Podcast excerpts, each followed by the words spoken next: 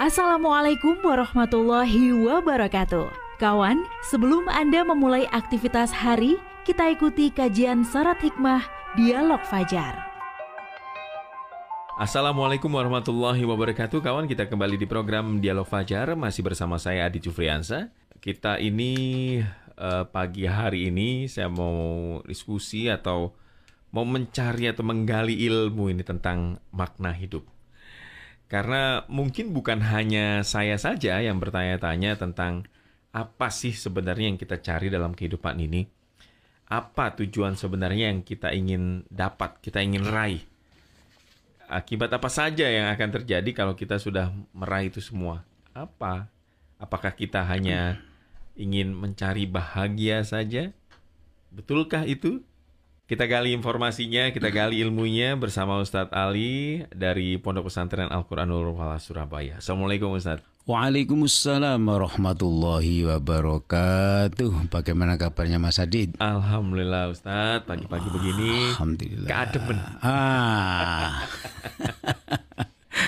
Ini memang saya sengaja nyari adem memang. itu itu lambang kesegaran itu. Alhamdulillah. Alhamdulillah. Ya, ya, Nah ya. itu Ustadz ya, kadang-kadang itu kita bertanya-tanya mungkin ya kalau lagi sendiri, kalau kita lagi di jalan gitu merenung eh, apa ya sebenarnya yang kita cari dalam hidup kita ya? Apakah kita ingin nyari bahagia aja atau gimana ini Ustaz? Monggo monggo. Ya. Bismillahirrahmanirrahim. Assalamualaikum warahmatullahi wabarakatuh. Waalaikumsalam warahmatullahi. Bismillahirrahmanirrahim. Kembali kita menyebut asma Allah yang Maha Pengasih, Maha Penyayang. Alhamdulillahirabbil alamin. Kembali kita berterima kasih, bersyukur kepada Allah Subhanahu wa taala. Seluruh hidup kita telah dibimbing, telah dicukupi, telah diinspirasi oleh Allah sehingga kita eksis sampai hari ini. Allahumma salli ala sayyidina Muhammad wa alihi wa sahbihi ajma'in. Mas Adit, pertanyaan apa yang dicari oleh manusia, hiruk pikuknya, itu sering juga ya. Saya juga mengalami, terutama ketika malam. Lah iya, di Surabaya, apalagi di Jakarta. Iki ndak ana beda niki subuh apa jam 12 malam gak ada bedanya yang namanya ruwet. ataupun ataupun Mas Adit belum subuh di bandara itu orang wah mulai di tol mulai di tol. Jadi mudah-mudahan saya salah. Ini orang pengendara di tol ini ampun ampun banderi. Ya. Ampun ampun siksaknya. Saya segera berhusnudon berbaik sangka orang ini paling mengejar pesawat. Begitu ya. Terkadang kita dapatkan juga ya. Turun dari mobil, wow, pontang-panting ajudannya, pontang-panting supirnya menurunkan barang itu sementara dia belum mapan untuk memparkir mobilnya. Jadi kesimpulannya sampai gelagat mobilnya pun terkadang mudah-mudahan salah sekali lagi kawannya bisa ditafsirkan bahwa orang ini sedang apa namanya mengejar waktu pontang-panting dengan kegiatannya yang sedemikian padatnya. Pertanyaannya, apa yang dicari oleh orang-orang ini? Pertanyaan itu tidak segan-segan saya lontarkan kepada diri saya loh Mas Adit. Saya juga sama dengan mereka jam segini. Apa yang dicari? Nah begitu ya. Mungkin sebelum ada manusia atau setidaknya sebelum kita lahir sudah pertanyaan ini terlontarkan kepada seluruh manusia apa yang kita cari dalam hidup ini. Ya. Tak salah ya.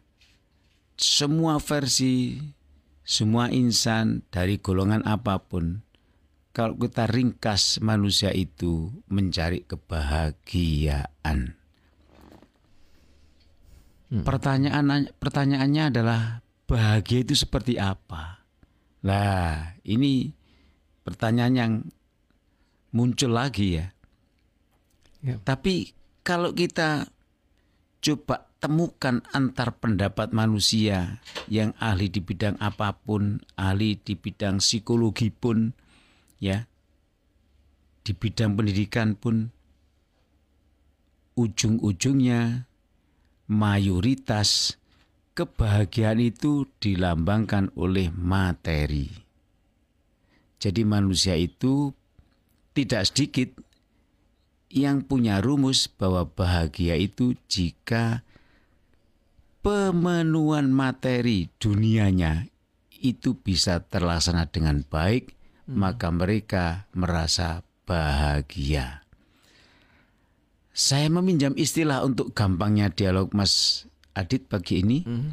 Manusia merasa bahagia jika kuantitas jumlah kekayaannya itu adalah banyak. Yeah. Ah, begitu ya mudahnya ya. Apakah semua begitu? Tidak. Berapa persenkah? Mungkin juga lebih banyak persentasinya. Hmm. Tetapi kalau kita lihat di laman di alamat-alamat pemberitaan yang terpercaya, Contoh saja 2022, 2023 dalam kurun masa satu tahun itu kejadian orang bunuh diri itu hampir menyentuh angka seribu peristiwa kejadian hmm. itu yang ya. ya di antara penyebabnya adalah mereka tidak puas dengan kehidupan yang mereka sekarang nikmati dan anehnya ternyata bukan orang menengah ke bawah secara materi, tapi dia bahkan level ekonominya tidak sembarangan. Kalau dianalisa dengan ringan saja, maka kuantitas materi, jumlah materi, jumlah kekayaan yang dimiliki manusia belum bisa menjamin kebahagiaan untuk ya. dirinya. Hmm. Kita kembangkan di tingkat internasional, tingkat dunia. Cari saja kita data bahwa ternyata ada juga orang yang kelompok seperti kita sebutkan tadi di Indonesia juga mengalami nasib yang sama. Dia mengakhiri hidupnya dengan cara yang tidak baik, yaitu terjun dari lantai sekian, bunuh diri, dan lain-lainnya. Kita kembali kepada petunjuk Allah. Jadi di antaranya Allah itu menyebutkan dalam surat An-Naml. Kawan, surat An-Naml itu surat yang nomor 27. Ayatnya bisa kita lihat ayat 76. Ini di antara firman Allah. Ya, di tempat yang ayat yang lain juga ada. Jadi ayat 77 ya. A'udzubillahi minasyaitonirrajim. Wa innahu lahudaw wa rahmatul lil muhsinin. Wa innahu lahudaw wa rahmah dan sesungguhnya Al-Quran itu menjadi petunjuk dan rahmat lil mukminin. Maaf tadi keliru lil muhsinin. Lil mukminin bagi orang-orang yang beriman kepada Allah Subhanahu wa taala. Jadi sesungguhnya yang paling dasar adalah percaya, adalah iman kepada Allah. Jika kita sudah beriman kepada Allah, maka Quran itu menjadi petunjuk. Petunjuk itu hmm. dalam hal apa saja. Kalau kita ini menjadi pemimpin perusahaan, Allah akan memberikan petunjuk bagaimana perusahaan ini baik kalau kita menjadi seorang guru, seorang kepala sekolah, maka petunjuk hudan itu adalah memandu hati kita bagaimana jadi guru yang baik dan seterusnya. Warohmatan dan menjadi penolong, menjadi rahmat. Kalau kita ini sudah menjadi orang yang taat beriman kepada Allah, maka Quran itu akan datang kepada diri kita menjadi suatu pertolongan di dalam Al-Quran salah satu pertolongan yang disebutkan oleh Allah adalah ya di antara yang kita baca adalah bahwa kebahagiaan itu diperoleh jika hatinya tenang. Hatinya selalu ingat pada Allah Subhanahu wa taala. Mm. Ya. Mm. Jadi Allah ingatlah bidzikrillah hanya dengan ingat pada Allah tatmainnu akan menjadi tenang. Apanya? Al-qulub hati kita. Ya. Sebenarnya kalau kita membaca ayat ini Mas Adit, Jadi berarti kebahagiaan tuh di mana sih? Yang kayak apa sih? Ini petunjuk Allah dalam Al-Quran. Sekali lagi kawan, tidak semua orang bisa mendapat petunjuk darinya. Kecuali kita ini cinta, menempatkan Quran itu sebagai satu-satunya yang dapat memandu kita.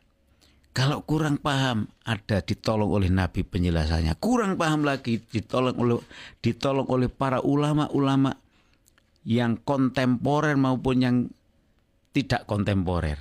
Ya, sudah membantu kita menerjemahkan ayat, menjelas, memperjelaskan hadis-hadis. Hmm. Sudah, sudah cukup bahwa memang Quran itu membawa rahmat membawa petunjuk bagi kita yang beriman pada Allah Subhanahu wa taala. Salah satu rahmat dan petunjuknya Allah adalah bahwa kita ini memang hidup mencari bahagia, tapi bahagia itu tanpa ada ketenangan hati, rasanya kok nggak mungkin. Ada hmm. orang yang kaya, contoh ini cerita dunia, Mas Adit, cerita di dunia yang dialami manusia rumahnya itu pagarnya rangkap empat. ada pula ada pulainya di satpam, ada CCTV segala macam. Uh. Ini nggak apa-apa kawan. Ini kita sedang ditunjukkan oleh Allah betapa begitu macam-macam manusia diambil pelajaran. Yang lagi kita ceritakan ini kekayaan tadi ternyata tidak membawa ketenangan hatinya. Pertanyaan Allah, itukah bahagia? Nah ini loh, Allah bidzikrillah dengan ingat pada Allah tatmainu menjadi tenang al-qulub hati kita semua. Jadi ketenangan ini menjadi nilai penting dalam hmm. diri seseorang bahwa dia bahagia. Apakah orang yang sakit itu bahagia Mas Adit? Orang yang terjepit hidupnya bahagia Mas Adit? Saya barusan mendapat berita ya, berita ini eh, yang sedang berkecamuk perang ini mana mas? Eh, di Palestina. Palestina ya di Palestina. Palestina. Israel Palestina. Ternyata ada orang yang sedang terjepit hidupnya di Palestina itu ya. yang memproklamirkan dirinya saya akan berjuang hingga mati syahid. Tuh coba dia mati syahid malah dikejar mati syahidnya itu hmm. tapi malah dia se seumur hidup nggak mati-mati jadi kalau kita ditanya oleh orang uh. apakah mereka yang di sana itu sekarang sedang tidak bahagia karena kondisinya tiap detik mendengar dentuman bom ini jawabannya belum tentu benar. Oh, mereka tidak bahagia, hmm. mereka tidak tenang hidupnya. Belum tentu jawaban itu benar. Hmm. Ternyata ada orang yang memanfaatkan kepingin jadi pahlawan di sana. Hmm. Sekali lagi saya membaca berita ya Mas Ridya ini. Hmm. Hmm. Ternyata mereka itu pasrah kepada Allah Subhanahu wa taala. Saya akan berjuang untuk kebenaran ini sampai mati mati syahid yang diharapkan olehnya. Sekali lagi ini berita Artinya kawan bahwa hidup itu masih hidup bahagia itu masih jadi pertanyaan. Hmm. Apa indikator bahagia itu? Kita kembali pada Quran adalah ketenangan jiwa di mana kita setiap detik ingat pada Allah Subhanahu wa taala. Yeah. Mengambil keteladanan dan hikmah peristiwa yang saya sampaikan tadi ini itu salah satu bahwa orang merasa hidupnya itu dekat dengan Allah meskipun dalam kondisi yang sangat gawat seperti itu dia pun merasa bahagia. Bahagia dalam arti dia pasrahnya kepada Allah itu tingkat tinggi. Hmm. dia tidak diam dia tetap berusaha agar eksis hidupnya agar eksis negaranya. Ini kita baca berita ya. Tapi sekali lagi bahagia itu dalam kondisi apa pun ada unsur penting di situ yaitu ingat kepada Allah Subhanahu wa taala. Nah, kawan mudah-mudahan dialog fajar ini mendapat ridhonya Allah, mendapat barokahnya Allah. Amin. Sehingga yang kita dialogkan dengan Mas Adit ini eh, rahmat Allah, barokah Allah itu merebah tidak hanya di studio ini tapi juga kepada kita semua kawan-kawan pendengar radio suara Surabaya. Amin ya rabbal alamin. Saya pamit. Assalamualaikum warahmatullahi wabarakatuh. Baik, kawan, sebenarnya yang kita cari dan kita tuju adalah Allah saja ya. Nggak ada yang lain. Karena memang mau ke mana pun kita ada, di mana pun kita berada begitu ya. Semua tempat yang kita datangi itu ya yang menciptakan Allah. Allah ada di situ. Maka secara nggak sadar sebenarnya pikiran kita otomatis mengarah ke Allah dan mulai sekarang insya Allah sesudah kita tahu ini kita harus menyadari ya supaya rasa yang kita tuju benar-benar terasa nikmat untuk menjalani sisa kehidupan kita di dunia. Amin, amin, amin. Saya akhiri kawan program Dialog Fajar pagi hari ini. Wassalamualaikum warahmatullahi wabarakatuh. Waalaikumsalam warahmatullahi wabarakatuh. Program Dialog Fajar yang baru Anda simak kerjasama Suara Surabaya dan Pesantren Al-Quran Nurul Falah Surabaya, lembaga dakwah yang amanah, profesional, dan berbasis Al-Quran. Pesantren Nurul Falah mencetak guru-guru Al-Quran dengan metode tilawati dan tafidz Al-Quran. Informasi dan pemberian donasi hubungi 031 828 1278 atau nurulfalah.org. Wassalamualaikum warahmatullahi wabarakatuh.